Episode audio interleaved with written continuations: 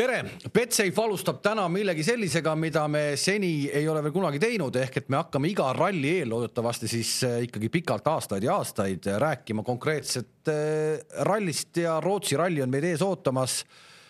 ja meie esimene saade läheb eetrisse, mul on väga hea meel, et äh, olen siia kutsutud ja et on tulnud ka siis rallifänn Rauno Paltser, kes Tervist. teavad, kes, kellega tegemist on ja siis on meil kaks rallisõitjat, Karl ja Gustav Kruda. tere minu poolt tere minu poolt ka. aga hakkame siis peale. võitmine on meeskonnasport. leia oma meeskond. avasta Betsafe meil on olemas äh, Rootsi ralli kavas, mis oli kahtluse all, lõpuks sada seitsekümmend üks kilomeetrit, äh, ära sõidetakse, kui sõidetakse mm. -hmm.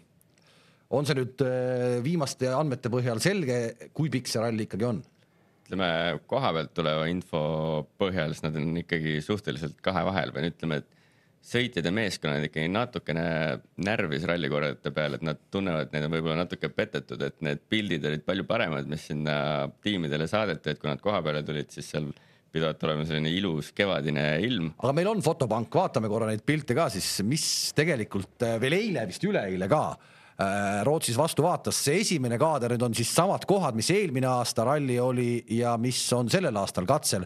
ehk võrrelda pole mitte midagi, tegemist on puhta kruusaralliga. ja, ja siin on selles mõttes on hea selline võrdluses näha, et kui palju ruumi on sõitjatele juurde tekkinud, et nüüd nad hakkavad koheselt mingi pool meetrit seestpoolt kurvist minema, sellepärast et nagu tänapäeval öeldakse, et siis aega võetakse raja kõrvalt, mitte raja pealt enam okei okay,, aga vaatame pilte veel, olukord on läinud tegelikult natuke talvisemaks, see on nüüd veel täielik selline kevadine kruusaralli, aga see on natukene nüüd muutunud viimaste tundidega, et on tulnud ka natuke lumisemat pilti. ja ütleme, siin on ka need laupäevased katsed, mis siis rall absoluutselt ära jäeti, sellepärast et seal ei olnud lootust ka, et tuleks miinust või lund.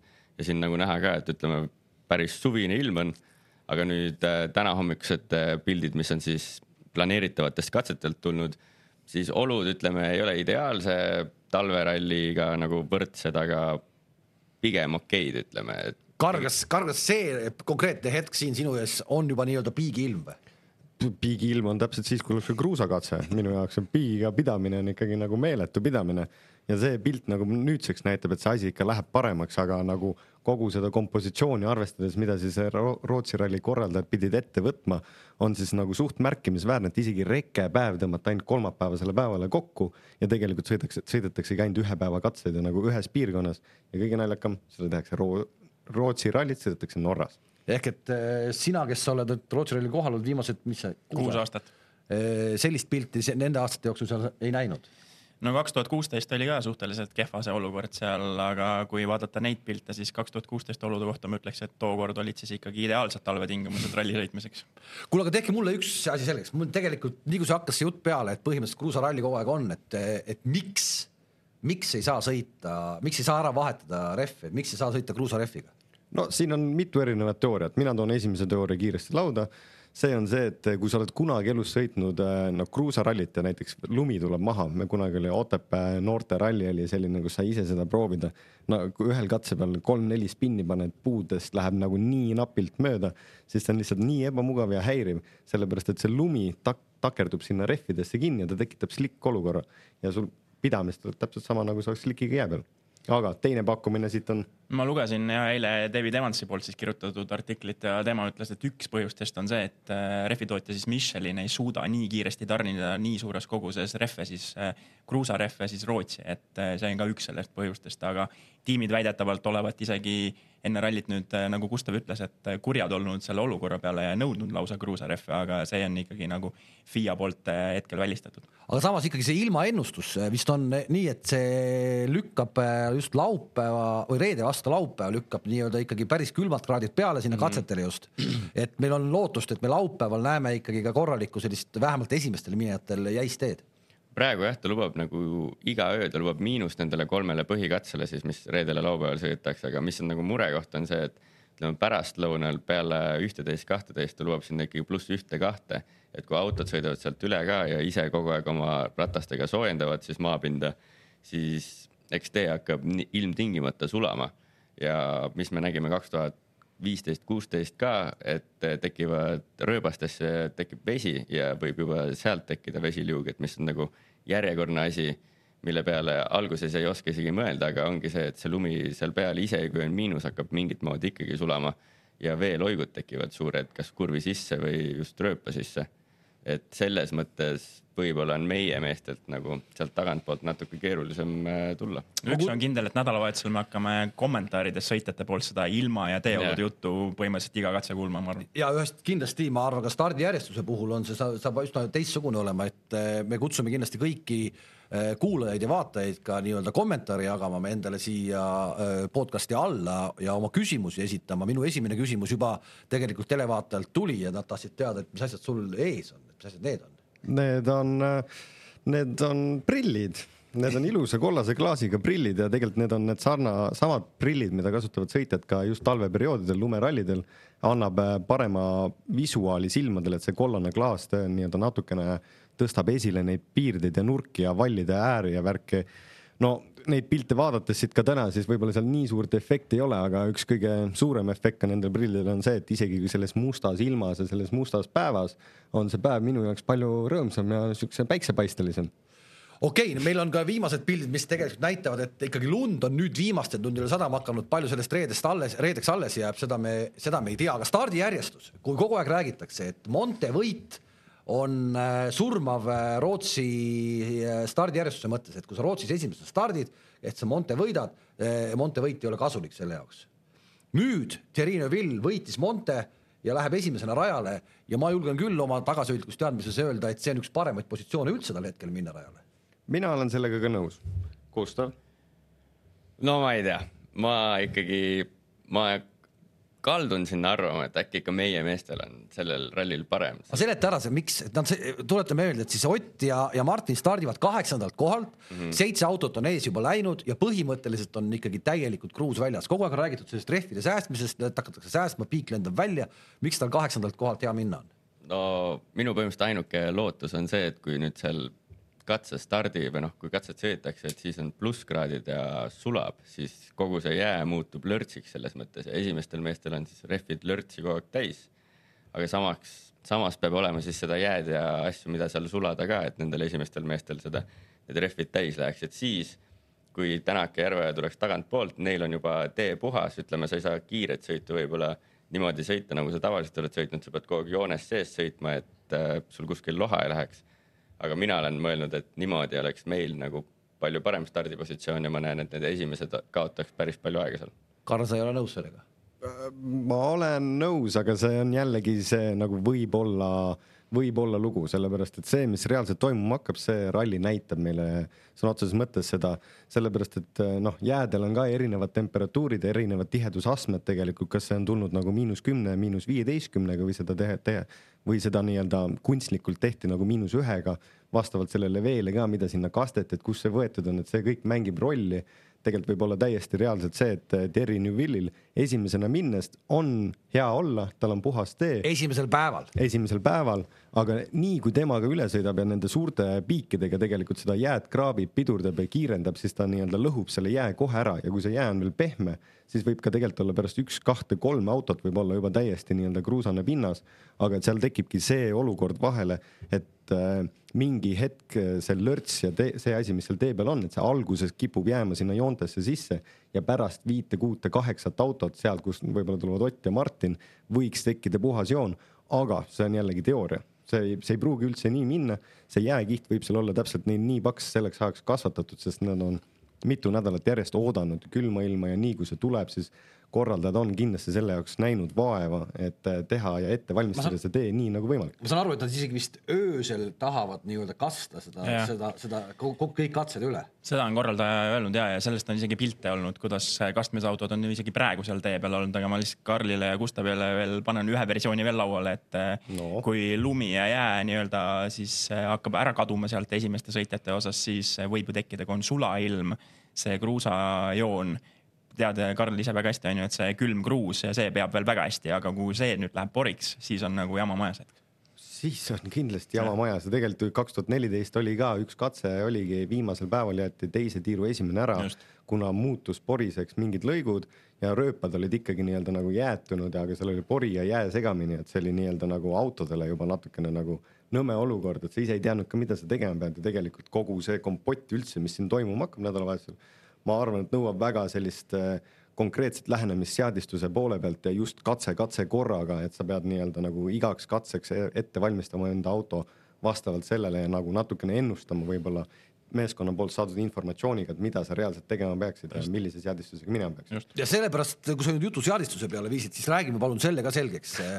rajale tuleb tagasi Jari-Mati Latvala ja, ja ma ei tea, kas ta siis selles oma intervjuus niisama lihtsalt nii-öelda tahtis intervjueeritavast lahti saada, et kao minema, ma vastan sulle kähku midagi ära, aga mul jäi kohe silma tema intervjuus see, kus ta ütles, et ma tulen eelmise aasta seadistusega. mida ta teeb sellega seal? see on Jari-Mati, ma ütlen selle peale lihtsalt. ei, ei, aga tegelikult no, ma samas, ma lugesin ka seda intervjuud ja ma samamoodi, ma jõudsin sinna, kus ta ütles, et ta läheb sama seadust, ta ütles seda veel kuidagi niimoodi poolmuisas ka, et oi noh, mul eelmisest aastast ju seade olemas, et eks ma samaga lähen nagu. just, et see jutt on üldse tüüpiline Jari-Mati jutt jälle, et Jah. ta on kommipoes ja nii äge ja kõik on vägev ja pingeid pole. aga siis tuli see seadistuse jutt ja kuidagi nagu ei olnud tõsiseltvõetav, et aga mis seadistus seal Rootsis siis nii-öelda kõige paremini töötaks?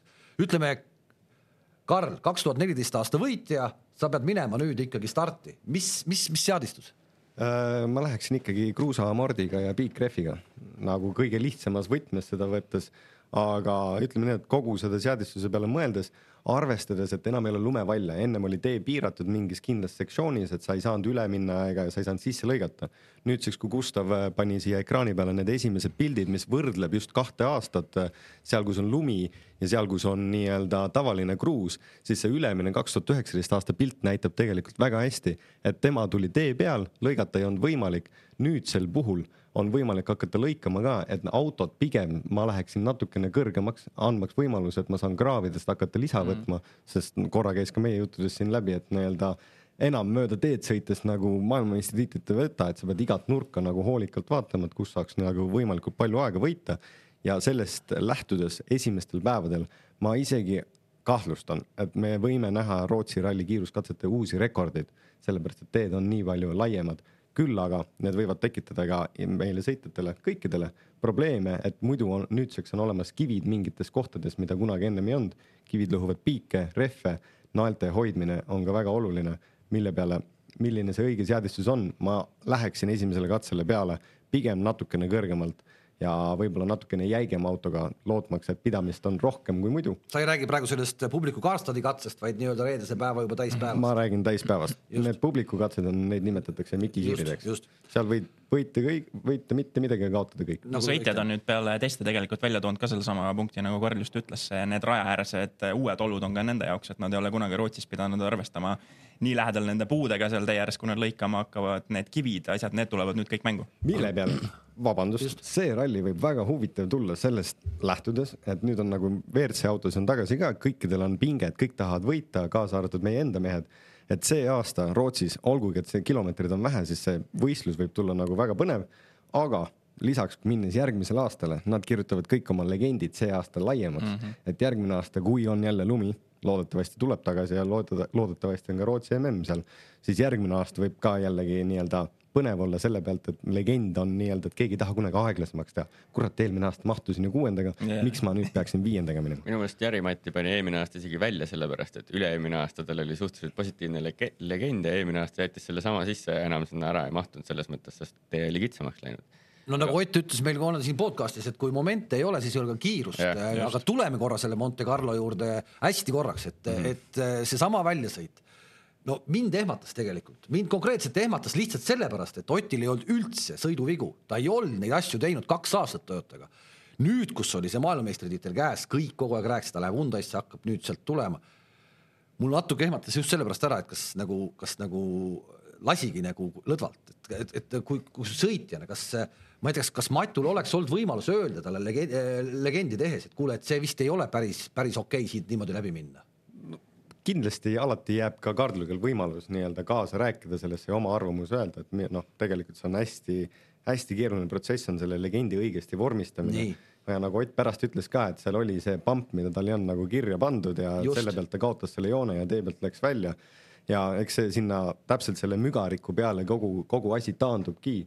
Aga kas noh, me saame öelda seda nagu ei ole- ikkagi lohakuse viga? see ei ole tingitud ainult ma ei taha öelda, et see on lohakus, aga see on tingitud mitmest asjast kokku, midagi ei see oli kõigil uus katse ka. see oli kõigil uus katse, sul on uus meeskond, sul on uus ralliauto, ralliauto võib-olla isegi nii-öelda noh, sa oled sõitnud neid pampe juba mingil määral võtnud, aga lisaks sellele sul on ka uus rekkeauto, mis võib-olla käitub teistmoodi nendel pampidel. et kus nagu lõpuks see piir, see lihtsalt mängis tal ühes kompotis kokku ja sellest, et mina nägin seda väljasõitu ja ma, mul oli väga hirmus vaadata seda, aga tagantjärgi mul on väga hea meel, et see sai tehtud, sest mingi katuse sa pead nagu hooaja jooksul panema või mingi avarii tegema. Ja kui see jäi nüüd sinna paika, siis on puh, süda rahul. mina tahaks öelda, et Oti kohta see oli nagu niisugune inimlik äh, reke ja legendi viga, nagu ta ise ka ütles, et et lause, et lasi lõdvalt minu meelest ei kuulu Oti sõnavarasse. ei, ei see, see, see ei kuulu, see, see ei kuulu, absoluutselt kindlasti ei kuulu, aga just, et, et see nüüd juhtus nüüd kohe, kui ta oli maailmameistriks tulnud, kui kõik need pinged olid maas, et see nüüd tuli kohe. et see mind just ehmatas, et noh, et, et miks kohe nüüd tuli see selline noh, inimlik viga, mis ikkagi kõikidel sisse tuleb rallisõidus, et miks see nüüd kohe just tuli. ma ootan, no sellepärast ma ootangi seda Rootsit ka ikkagi väga huviga, et, et kuidas ta sellest üle saab noh. Ma pigem arvan, et see oli ikkagi nagu kokkusattumus lihtsalt sinna Montesse nagu juhtus, aga eks Monte Carlo, kui võtta nagu protsenti ka, kus on kõige suurem protsent väljasõiduks, siis Monte Carlo, ma arvan, et kõige suurema protsendiga ralli ka terve aasta peale. Et selles mõttes, kui vaadata. noh, see ei olnud, aga see ei olnud, nagu see ei olnud selline tüüpiline, aga see ei olnud selline tüüpiline Monte väljasõidukoht. ei, see ei olnud tüüpiline just- väljasõidukoht, absoluutselt, üleüldiselt see on nagu videomängu väljasõidukoht kus sa tahad lihtsalt näha, kui palju on võimalik katust panna, vaata. pehmelt võib Rootsi kohta seekord isegi öelda, et äh, Kruusal Monte ootab meid ees samamoodi täitsa teadmatus. kas võib olla nii, et näiteks Rootsis nüüd mingitel katsetel äh, tulevad täiesti ajuvabad aja, ajavahed, mida tagasi sõita polegi võimalik?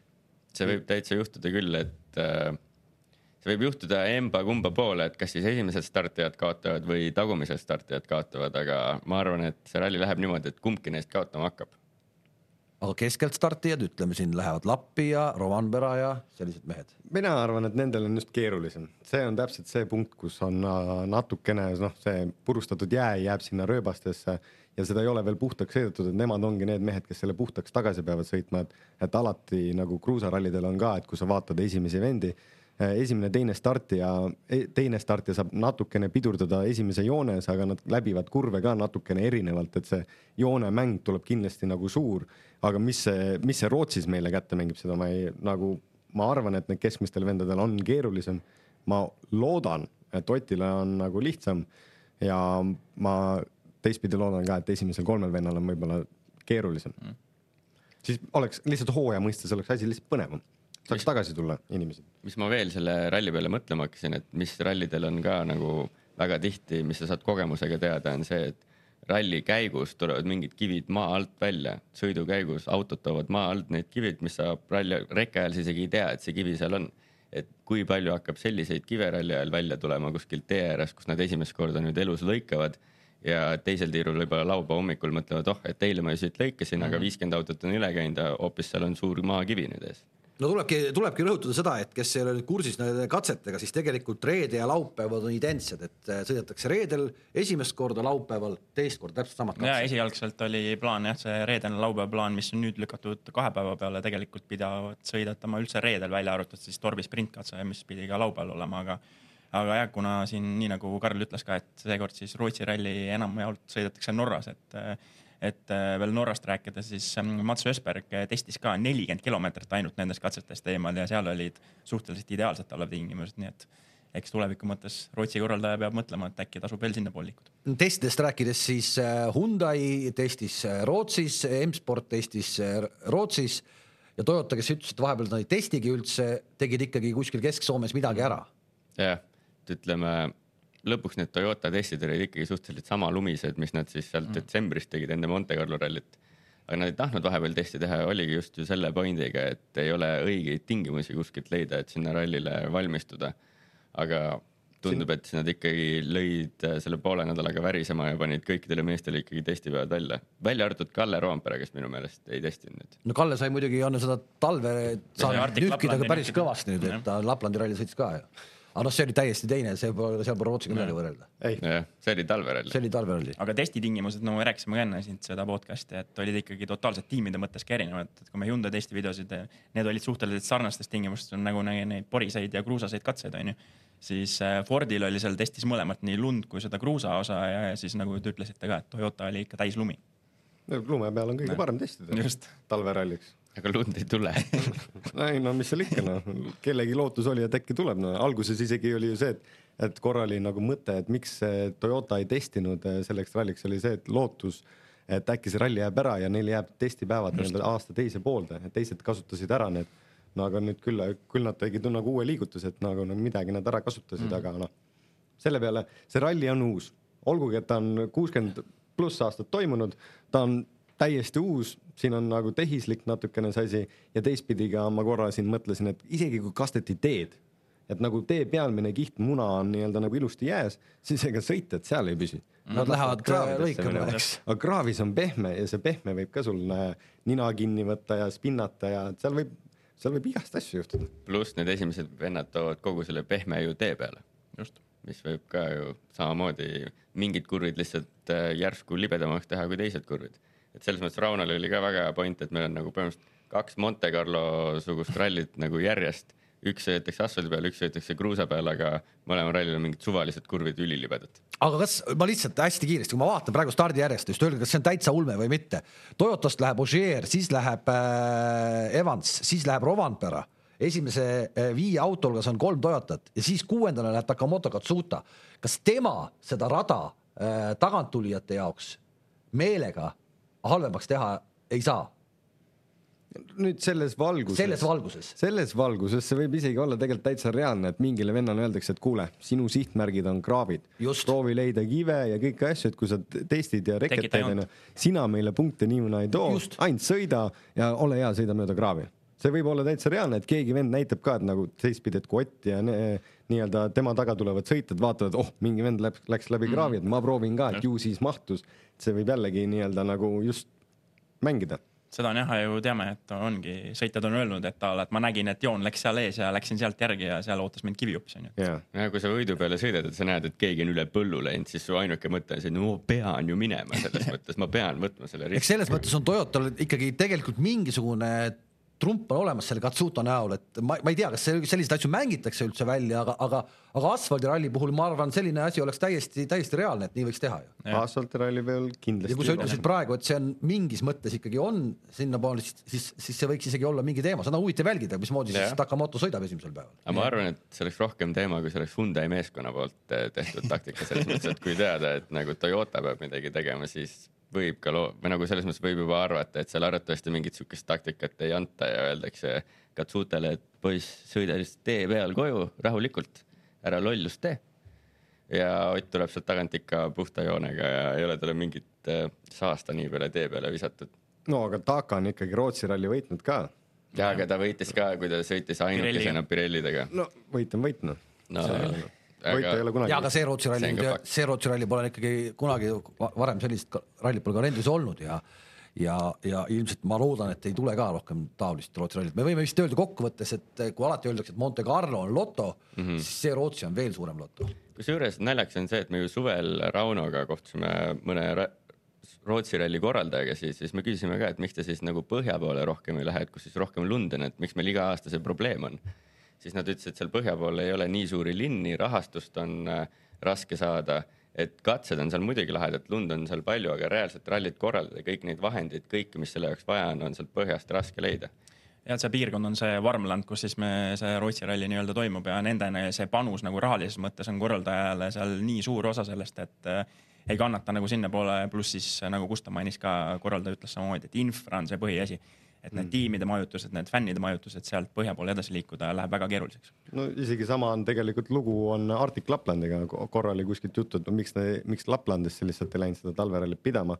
seal ongi see case, et sa mahutad ära Hyundai meeskonna ja kõik teised on telkides. jah, see üks hotell on, et isegi Toyota on telgis. Toyota on kodus. isegi Toyota on koduses telgis. aga, aga võtame korra selle Toyota ja, ja Latvala teema ülesse veel, et. Sul ikka kipitab see Latvala, ei, mind ei kipita, mis, mind lihtsalt huvitab, et. Gustav, sul oli pilt, et pane see ilus auto ka. mis mind huvit-, mis mind huvitab, on, on ikkagi see, et, et, et kust tuleb ikkagi raha, ma saan aru, et see on kolmsada tuhat on see nädalavahetus, nüüd on see ralli sada seitsekümmend kilomeetrit pikem, et ega sealt vist väga palju kokkuhoidu ikkagi vist ei tule või tuleb või? sa tahtsid öelda, et, kuhu kaob raha ja kust tuleb tolm või? no just, tolm tuleb sealt rataste alt, aga, aga see raha kaob ka ikka väga uskumatud summad tegelikult, mis ikkagi kokku leitakse. jah, ja, ja siin, siinsel puhul ka, et eks Jari-Mati ütles eelmise aasta lõpus, et ta kasutab nagu enda raha, et nagu ta tahab ennast pildis hoida ja see aasta peaks siis lõpetama ära Ogier ja nii-öelda mingid sõitjate kohad peaksid avanema.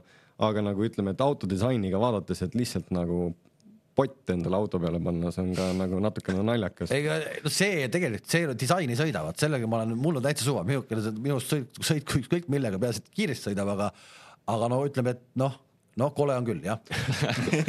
ilus ei saa ju öelda selle kohta selles mõttes. no ütleme, et ta tõmbab tähelepanu selles mõttes, et võib-olla sponsorid saavadki kõige suurema tähelepanu sellega, et kõik lihtsalt tulevad, vaatavad ja pildistavad, et see on see, kuidas tegema, teha ei tohiks. head kombesid ja kiivrit veel pildil ei ole.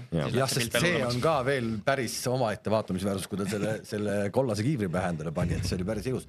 aga, aga ikkagi noh, kolmsada tuhat nädalavahetusega Jari-Matti Ratvalasse sisse panna, see on, no see lihtsalt on ikka kõva metseenlus ja, ja Juho Hännini, see tuleb märkida, et ta isegi ei sõida oma õige kaardilugejaga, kes vahetas siis noorema sõitja vastu, Erik Peeterinini vastu välja Jari-Mati Latvale ja Jari-Mati sõidab siis oma ammuse konkurendiga ja nii-öelda siis Toyota tehase nii-öelda testsõitjaga, kes siis arendab praegu siis kaks tuhat kakskümmend üks autot juba. tahtsin just öelda, et jah, see eelmine nädal ju testis uut autot juba ka. Ja seal oli ka juba nii-öelda uue kere peal see auto ja ütleme niimoodi, et äh, kas sa, mida sealt kokku hoiad sellelt rallilt, kindlasti nüüd, kui kilomeet-, kilomeetreid vähendati, et siis sa tegelikult kulutad seda autot vähem, aga tuleb meeles pidada, et äh, nad sõidavad kruusa peal enam, mitte lume peal. ja seal võib muidugi olla see ka, et Juho mingi hetk ütleb, et kuule, las ma lähen ise kettasse, et me siin enne podcast'i tegime nalja, et seal võiks olla nagu sõiduõpetaja Juhol kõrval, et tal võiks ka pedaalid olla, et seal, kus Jari-Mati enam ei julge peal hoida, siis Juho hoiab veel peal. seal võiks olla jah gaas ja pidur, et kui Jari tahab pidurdada, siis Juho lihtsalt hoiab gaasi peal veel. aga käime kähku üle selle, tegelikult see WRC kaks on ju ka väga huvitav seal Rootsis, et sinna läheb ikka ägedaid nimesid, pluss eestlased, aga nüüd meil on Rauno üks uudis ka, mis ei ole tegelikult äh, rõõmustav uudis, see on nüüd küll üsna värske. Ja üsna värske uudis, et kahjuks jah, Roland Poom ja Ken Järveoja, kes siis pidid oma esimese stardi tegema R5 autoga MM-ralli mõttes, siis äh, kahjuks nemad ikkagi teatud põhjustel starti ei ole tulemas ja, ja eks siis ootame, mis see meeste see põhjus täpsemalt sealt tulemas on. eks see on nii värske, et me tegelikult täna seda põhjust veel ei tea, me võime siin võib-olla lihtsalt spekuleerida, et kuna see on ka nende jaoks ikkagi nii kallis, et äkki võib juhtuda see, et nad tahavad sõita täisralli, mitte mingit poolikut supsu. täpselt. kõik võib reaalne olla, aga mis see lõplik põhjus seal taga on, see jääb alati nagu küsimärgiks. isegi siis, kui ta ise avalikustab, et ma ei teinud, et ma ei saanud sellepärast minna või seda, et see ei pruugi ka alati nagu tõde olla. aga nagu pigem on kahju, et nad siin, siinselt startida ei saanud. eestlaste jaoks ikkagi nii-öelda Rootsi on väga sarnase tee iseloomuga, ta on kiire ja, ja tegelikult lumi ei ole meie jaoks midagi nagu uut, pluss ei ole ka seda uut, et siin lund ei ole, ka nagu meil ei ole seda, et see võiks ka nagu sarnane olla aga nagu ma loodan, et mehed ikkagi nii-öelda, kui sinna ei jõua, et siis nad stardivad kuskilt mujalt ja kust see tuleb, ma arvan, et see ei jää ka meile pikalt teadmatusse. nii on ja, ja, ja selle eest on meil eestlased siis ikkagi veel, et seal on Raul Jeets. Andrus Toom, Ken Torn, Kauri Pannas ja siis äh, Georg Linnamäe, Volodõmõr Korsiaga siis Ukraina kaardilugejaga, nii et neli võistluspaari siis minemas. jah, muidu oleks olnud viis, oleks olnud päris põnev niimoodi, et Jeets ja Poom äh, olid startimas ka üksteise tagant ja neil oli ju seal Saaremaa rallil väga põnev võistlus, et siis oleks saanud siin Rootsi rallil jätkata ja ütleme, oleks võib-olla on nagu selles mõttes meil nende väikeste autodega kategoorias huvitavam, et kuna meie mehed lähevad nagu esimest korda uuele rallile uue autoga, et kuna tingimused on nii keerulised, et siis võib-olla oleks konkurentidega nagu see olukord natukene võrdsem ja oleks mm -hmm. võib-olla olnud võimalik mingit päris hea tulemust siit. palju neid üldse stardis oli nimekirjas on autosid? nimekirjas vist 55 kokku on viiskümmend või põhimõtteliselt kuuskümmend. ikkagi kümme protsenti on eestlased. no enam oli, enam ei ole, eks, et päris, päris kõva mm on ju. jah, ja enne seda aasta siis oli, kui ma õigesti mäletan, praegu oli üheksakümmend kuus ja kaks tuhat kuusteist oli, kui oli kolm võistluspaari eestlastest, nii et äh, selle igal juhul trumpame seekord üle neli. Aga samas see väiksemas klassis on ju tegelikult äh, Huttunen läheb sinu sõber, eks, saab oma, saab oma võimaluse. ja, ja, ja siis on seal ju veel väike Solberg, eks, seal on ju tegelikult Tiidemann on kohal, on ju, ja, ja, ja et see on tegelikult üsna, see on siis nüüd meil pilt äh, tehase, mitte tehase autost äh, ja Oliver. Oliver Solberg, jah. jah, et siin suur pressi, press-release oli ka Škoda poolt, et jah, et meil on siuke kerge tehase tugi, et juppidega aitame, aga nagu pildi pealt näha, siis Tehas iga to- auto tehas peal on. Škoda motosport kirjas. mina isiklikult ootan äh, Oliver Solbergi seda starti just selle mõttega, et ta eelmine aasta siin Eesti meistrivõistlustel sõitis ka R5, küll siis tookord Volkswageniga Aluksna ja Sarma ralli ja seal ta oli ikka peajagu teistest üle, et mis ta siis nagu selles maailma konkurentsis nüüd samades ting-, noh, tingimusi pole samad. ei no kõigil on võrdsed, selles mõttes tingimused on võrdsed kõigile ja ma väga ootan seda ja, ja Monte ta ju lõpetas, nii et mina ootan kõige rohkem äh, Nikolai Gräzini, Ole Kristjan Veibi ja Jari Huttuneni esinemist. ahah, ma ma lihtsalt siin no, lihtsalt jah, nagu ma hoian seal valvsalt sil, silma peal, mis toimub. aga kui me räägime Gräzinist ja Veibist, siis üks asi, mis nende kohta saab välja tuua, on see, et nemad on mõlemad Pirelli rehvidega stardis, kui ülejäänud WRC kahe sõitjad on Michelini rehvidega, et mm -hmm. seal on ka see mäng, et võib-olla seal võib mingi eelis välja tekkida. Red Gray motospordimeeskond on ühe korra võitnud Pirelliga, ma mm -hmm. usun, et see on õige valik ja seal on tegelikult äh, vahe seisneb Michelini ja Pirelli rehvis see, et Michelini rehvi naelad liimitakse, Pirellid vulkaniseeritakse. nii, seleta. vulkaniseerimine vulkaniseerimine on see, et see nii-öelda sinna ei liimitata, jääb sinna nagu kahe selle vahele põhimõtteliselt, et noh, nagu nii-öelda pressitakse sinna kinni, et ta nael ei, naelal ei ole liimi põhimõtteliselt vahel, et nael hoiab nagu rehvi sees ennast ise. ehk siis aga kruusa peal, kumb kiiremini lendama hakkab minema? Michelin, Michelin jah? jah.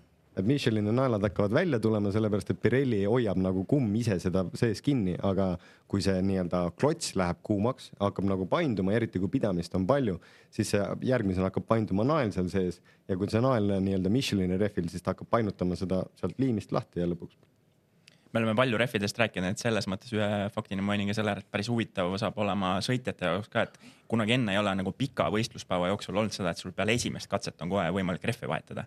Et seekord nüüd on, nad sõidavad esimese selle pika ära, mis on veidi üle kahekümne kilomeetri ja siis on tire fitting zone, et no nad kõik tegelikult katsed on enam üh- ühte auku, et kaheksateist kuni ühe koma üheksa kuni kakskümmend üks koma kaks sinna vahele jäävad kõik katsed, et eh, nad ei ole mingid ülipikad, aga nad ei ole ka mingid eh, väga lühikesed. no siit sulle küsimusele on kohe vastus, et kui palju suudaks Jari-Mati kokku hoida, kui katsekilomeetrit vähendati, siis kui rehvi, nii-öelda rehvi vahetamistsoone nii palju on, siis üks nagu kallimaid asju on rehvid tegelikult. Et kui sa kulutad ikka need rehvid ära, siis ega, ega sa lõpuks väga palju kokku ei hoia. Ehk et ei ole kokkuhoidu midagi, kolm sotti läheb ikkagi nädalavahetusel see on, nii raju number, et ma ei taha seda välja öelda. no ütleme, et päris seda ei lähe, ma arvan enam, aga no ikkagi number on, no ma ei tea, ikka selle uue WRC-ga võib ikka vabalt minna ka kolm sotti, vabalt noh, Jari-Matil võib kindlasti minna. jah. jah.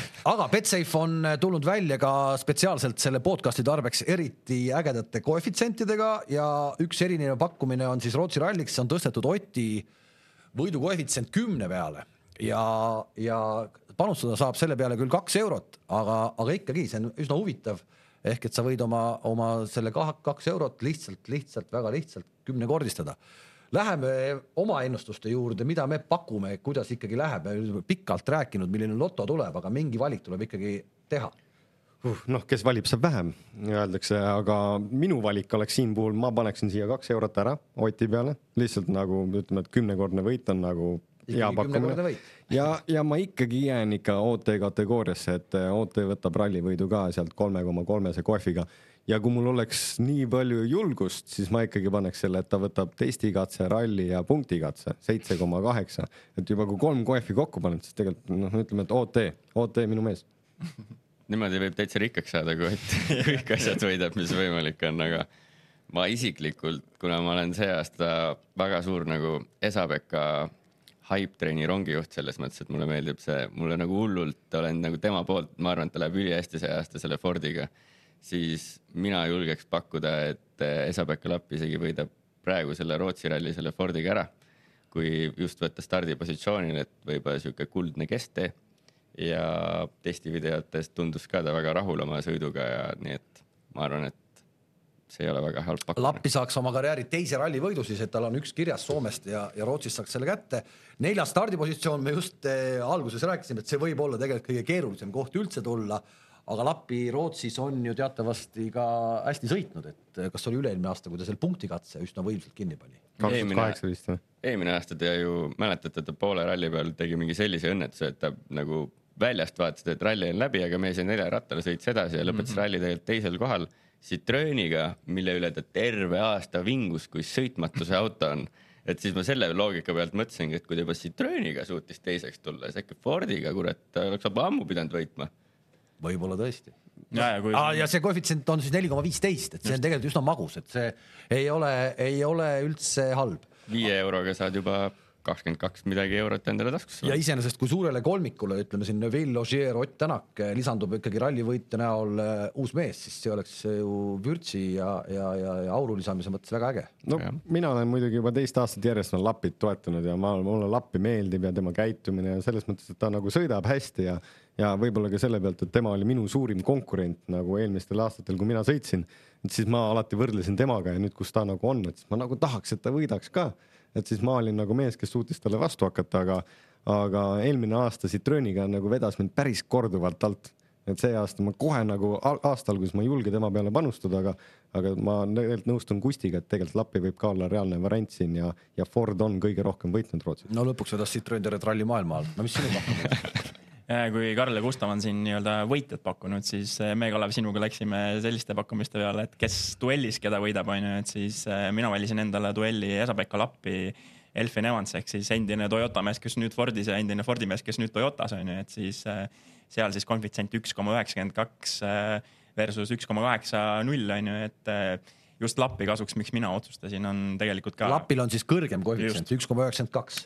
Lappi kasuks, miks mina otsustan, on samamoodi tegelikult nagu Karl ja, ja Kusti, et ma kuulun ka sellesse EP fänniklubisse onju, et eh, mees on tõestanud ennast kõvasti ja ma arvan, kui mõelda nagu ajaloo peale ja Ford, siis eh, kõige rohkem eh, võitnud seal Rootsi teedel ja, ja EP tunneb ennast väga hästi. aga ma ei tea, kas te siis ei vaadanud Monte Carlo rallit, seal ju kõik rääkisid, et uus tulija ongi üldse Elfin, et, et see, mis ta tegi Jah. esimesel rallil kohe Toyotaga ja Monte Carlos, et siit tulebki nüüd ikkagi suurele kolmikule kõige reaalsem vastane ongi Elfin Evans üldse. ja, ja teame, mis autoga eelmine aasta Rootsi võideti onju. nüüd istub Evans seal, aga ei, sellegipoolest ma julgen minna EP peale. no mina lähen äh, kõige lihtsamat teed pidi, et, et kuna Latvala ütles, et Rovanpera on järgmine soomlasest maailmameister, järelikult ta endasse ei usu. ja, ja kui mees in- endasse ei usu, siis äh, ma lähen nii, et Rovanpera Latvala versus äh, Rovanpera jääb peale. Ka Betsafe'i analüütikud on äh, arv-, minuga ühel arvamusel kahjuks ja, ja pakuvad siis, et see on üks koma kuuskümmend viis ja Latvalal kaks koma kolmteist on see aga ma loen kähku veel siit äh, koefitsiente ette, mis on päris huvitav tegelikult, kui sa ütlesid siin praegu, et, et kes siin kõik ütlesid Lappi onju, et mm, -hmm. et Fordi võit on kolmteist koma null enne ralli algust, see on ikkagi päris raju koefitsient. Hyundai'l vaid üks koma kaheksakümmend, Toyotal kaks koma kakskümmend viis. Tänaku äh, Thierry Neuville'i võ- võrdlus on äh, Tänakul üks koma üheksakümmend üks ja Neuville'il üks koma kaheksakümmend üks, nii et Neuville läheb soosikuna Tänaku vastu. väga põnev minul kogu selle jutu peale mul tuli ainult meelde see, et äh, Teemu Sunninen ka eelmistel aastatel on väga kiire olnud ja Lappi ka, et see tegelikult Fordil on reaalne võimalus. Teemu eelmine aasta reedese võistluspäeva real liider. ja see ka kindlasti, et, et ralli on nii palju lühem, et mm Mhm. -hmm. ruumi eksida on nagu vähem, samas hakatakse võib-olla ka kohe ikkagi vajutama nii kõvasti, et, et üks eksimus sul ei ole võimalik tagasi midagi teha enam. jah, mille juurde ma tahtsin ka tulla, on see, et kui on lühikesed katsed, lühikene ralli selles mõttes, siis vahed püsivad ka väiksena, et ma arvan, et kuni lõpuni välja meil võib olla top viis nagu väga väikeste vahedega. Aga võib ka olla, nagu me ennem rääkisime, võib olla ka täielik kalendriralli. katastroof. kui selle, selle kaks tuhat kuusteist korra meenutame, see oli esimesed kuni neli katset sõideti enam-vähem nendes tingimustes, millega praegu peale minnakse mm. -hmm. ja sealt see sobis tegelikult ainult.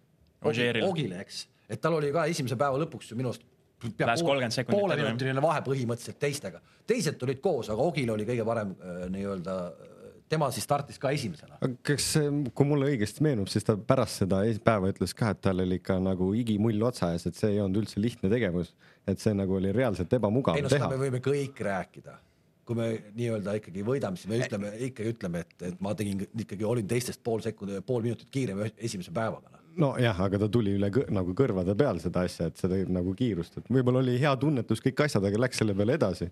lihtsalt, et vahepeal, kui Ogier jõuab katse lõppu, et sa näed tema näost ära ka, kas ta on pingutanud või mitte, siis kui ta pingutab, siis sa ikka näed, et nagu väike värin ütle, on sees. ütle mulle üks nagu... sõitja, kes on päeva lõpuks poole minutiga teistest ees ja ütleb, oh kurat, kõik oli ainult tänu autole ja sellele, et mul vedas stardipositsiooniga, mitte keegi seda ei ütle. Sebastian lööb kaks tuhat neli kuni kaks tuhat kaksteist.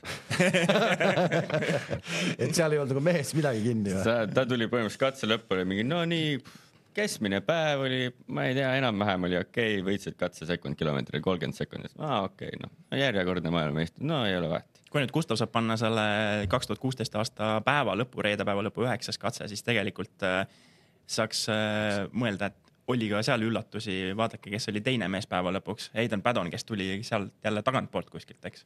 Ehk et siis üks läks eest, üks tuli tagant, vahel küll lähes kolmkümmend sekundit, aga sellegipoolest.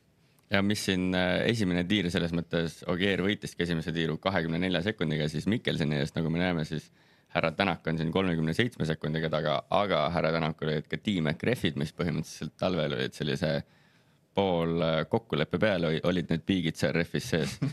aga päeva lõpuks siis teistel tiirudel ka, kui äh, see pidamine läks natuke stabiilsemaks, näeme ka, kuidas Tänaku vahed selles mõttes lähevad nagu väiksemaks ja ta püsib ikkagi põhimõtteliselt sealsamas augus, kus alguses äh, esimese ringiga siis Ogierile kaotas, aga mis me näeme, on Ogieri ajakaotus teisel tiirul, et teisel tiirul ei olnud tema tempo absoluutselt nii kiire, sest tema pidi seal kitsas rööpas minema, mis aga too aasta oli vahe see, et historikaautod sõitsid ka, ehk siis see joon oli veel, veel väiksem ehk siis miks me sellest kahe tuhande kuueteistkümnest nii palju räägime, siis see on ainukene kord, kui me saame natukenegi mingisugust võrdlust eh, tuua nende oludega, mis on sellel aastal. jah, jah, põhimõtteliselt küll jah. kuigi see aasta tundub ikkagi palju hullem. jah, no ma räägin, nii nagu ütlesin, kaks tuhat kuusteist mulle tundusid ideaalsed talvetingimused praegu pilti vaadates. aga tuletan meelde, et autod on vanad. Ilma keskdiferentsiaalita. seda küll jah, selle peale, et siin, siinseks nüüd see keskdiffer annab päris palju uut võimalust nendele autodele ja aerodünaamiline jõud ka, et tegelikult see pilt võib nagu ikkagi muutuda autodest mm. tingituna ka, noh, seal sa, kui oli mudane ja asjad, siis need autod sõidavad nagu suhteliselt külg ees ja ja Ogieri Volkswagen oli väga ehitatud tagumiste, tagumise saba peale, et niikaua kui ta pidurdas, siis oli auto oli nagu nelja ratta peal, aga nii kui pani gaasi, siis tõmbas nina taevasse ja saba maas ja võttis nagu viimase pidamise ka nagu maa seest välja noh. kuulge, aga Betsafe on tänasest ka Instagramis eh, ja mm., ja sealt siis eh, antakse kogu aeg välja ka erinevaid auhindu ja, ja ma kutsun küll üles kõiki, kes on Rootsis kohal, erinevalt Raunost siis, kes see aasta ei läinud kohale, et Instagramis saab vist pilte ka panna, jah? mina ei tea sellest. ikka, saab, eks nii et siis äh, äkki Rootsi rallil, kellel on Instagrami konto, pange pilte ülesse sinna Betsafe Instagrami kontole, saab nii ka panna, onju. ma selles ei ole kindel, selleks peab ikka Betsafe'i mingi login olema. no pigem siis hashtag või tag'id Jah. ära just see Betsafe, see saade ja kõik asjad ja aidake, aidake neid ikkagi neljakümne ühe aastast inimest. Hashtagiga saab jah, ja ühesõnaga lingib ära selle pildi, aga oma konto all. Ja tegelikult tag ida ja tegelikult kommentaare küsida ükstapuha nii-öelda nagu meile informatsiooni ade- andmiseks, meilt midagi küsida, subscribe ida, kõik need asjad, et meil tuleks see veel paremini välja. ma ei tea, mis siin veel tehakse tavaliselt. Betsafe'i Facebooki kommentaaridesse on võimalik vabalt pilte panna. ja, ja, ja, ja just koha pealt andke nii kõvasti kuuma ja muidugi tegelikult võite anda ka piltidega märku, kuidas te rallit jälgite, seda on alati huvitav vaadata, et tänapäeval on nii palju erinevaid võimalusi, kust rallit jälgida ja, ja pange neid pilte ka ülesse. ja Rootsis kindlasti tähelepanek, et millist makarat grillid. see on Rootsis väga omapärane. palju sinepit peale paned? palju sinepit peale lähed ja ütleme ketšupit ja tegelikult äh, Rootsis äh, muidu iga aasta nägid väga palju seda, kuidas äh, oli kelk taga, Salvo kelk oli taga Ja, ja puu, puud olid peal ja siis tehti kuskil lõket ja pigem see mets oli kõik nagu suitsuvines mm. -hmm. tulid autoga ka, makara ja siis tuli järgmine tuli mingi grillvorst kuskilt nagu järgmises etapis. seekord võib seda suitsu olla veel rohkem. seekord võib suitsu veel rohkem, et see vibe, et kui kellelgi on ka seal metsas ja tehke sellest ka pilte, et tegelikult see on nagu äge emotsioon kui see jõuab ka nagu meediasse ja teistesse kohtadesse maailmas. on kuulda ka huvitav, kas on nagu publikut selle tõttu vähem ka minemas või mitte, selles tegelikult jälgida on ju see aasta ju lihtne, okei okay,, Rauno, Rauno tõmbab protsenti alla, aga äkki keegi teine läheb. et selles mõttes jälgida on ju lihtsam, et sa ei pea ju kahel päeval mitte kusagile minema, et sa oled äh, ühe koha peal kogu aeg. Ja Jah. ma olen ise sotsiaalmeedias, ma olen nagu näinud, et väga paljud inimesed on öelnud, et eh, kes planeerisid minna nagu lõpuks ei läinud, jäid ikkagi koju ja mis me Karlaga ka enne podcast'i arutasime, et see Rootsi ralli võlu on see, et kui sul on palju lund, sa lähed sinna katse äärde, oled turvalises kohas ja istud maha, istud sinna lume sisse, sul on mõnus tool, see on sinu keha järgi järsku tulnud ka ja sul on mega mõnus ja kui on sula, siis sa ei saa, isegi siis sa ei saa istuda, sellepärast et siis sa lähed kohe läbi märjaks ja kui praegu ei ole mitte midagi, siis on igav. Ma selles suhtes ise ütlen nüüd äh, seal käinuna katse vaatamise mõttes on see aasta just keerulisem, sest et äh, katsed on hästi lähestikku, ajakava jookseb ju järjest, et äh, üks lõpetab katse, läheb kohe järgmise starti põhimõtteliselt, et kui sul on nagu sellise normaalse päeva jooksul mingi kaheksa kiiruskatset, siis saad selle päeva ära jaotada, et vähemalt neli katset päeval võtta, siis seekord on niisugune maksimum kaks. Kalev ütleski, et võta telk kaasa, magad ühe koha peal, järgmine päev No, näed ka sama küll.. aga mina ütlen, et vaatamine on keeruline selles mõttes, et eh, nii palju, kui mina olen Rootsis vaatamas käinud, ma kasutasin järvesi, jääd, kõndisid mööda Jaa, jääd lihtsalt nõus. teisele poole, Täpselt. vaatasid ralli ära ja siis kõndisid üle järve tagasi ja said autot parkida, kõik oli nagu mugav. nüüdseks, tegelikult see võib ka olla nagu uus kriis just pealtvaatajate, pealtvaatajatele, olgugi et lund tee ääres ei ole, et saad kraavi ka parkida, aga kraav võib olla sopane. Collins Cresti juures veetakse rahvast ATV-de ja kärudega sinna kohale, et seekord võib-olla keegi pakub paaditeenust. no me saame kohe näha, me saame näha, kui inimesed hakkavad panema meile pilte, ma loodan, et pannakse ka. igal juhul tervitusi kõikidele sinna Rootsimaale, hoidke Eesti lipud kõrgel ja ja me võime vist kokkuvõttes öelda küll, et tegelikult see ralli võiks nüüd juba peale hakata. täpselt. ralli võiks peale hakata küll jah, ei viitsi enam spekuleerida, et milline see ilm tuleb, kellel on hea pidamine, kellel on halb pidamine, et äh, see shakedown võiks juba toimuda, mis tundus väga halvaste tingimustega ja siis seal võiks näha seda tulemust, kuidas härra Tänak ja härra Järve on number üks, siis saab rahulikult vastu reedet minna magama ka, et ei pea muretsema, et mis seal reedel hakkab saama, et aga ma usun, et kõik läheb hästi, ma usun, et Eesti lipud on ikkagi raja ääres väga kõrgel alati ja kõige kõrgemal selles mõttes, mis nad siis igal rallil on. ja ütleme, ma küll ennustasin Esabekat, aga ma südamest ikkagi loodan, et Ott ja Mar- Martin tooks selle võidu meile koju ära. nagu me kõik siin laua taga, ma arvan. no ma arvan seda loomulikult. ühesõnaga jääme Rootsi rallit ootama ja järgmise ralli eel me proovime siis sellesama asja teha ka ikkagi otseülekandes ära, jaa et ei tuleks ühtegi, ühtegi sellist äh, kala sisse ja, ja jääme rallit ootama, kohtumiseni. mida on vaja, et saada võitjaks? Tõeline tšempion ei lausu iial, ma sooviksin tänada iseennast. alati saavad tänatud inimesed tema ümber. kujutle seda väge, omada meeskonda kõigi teadmiste ja kogemustega. võitmine on meeskonnasport. leia oma meeskond avasta Betsafe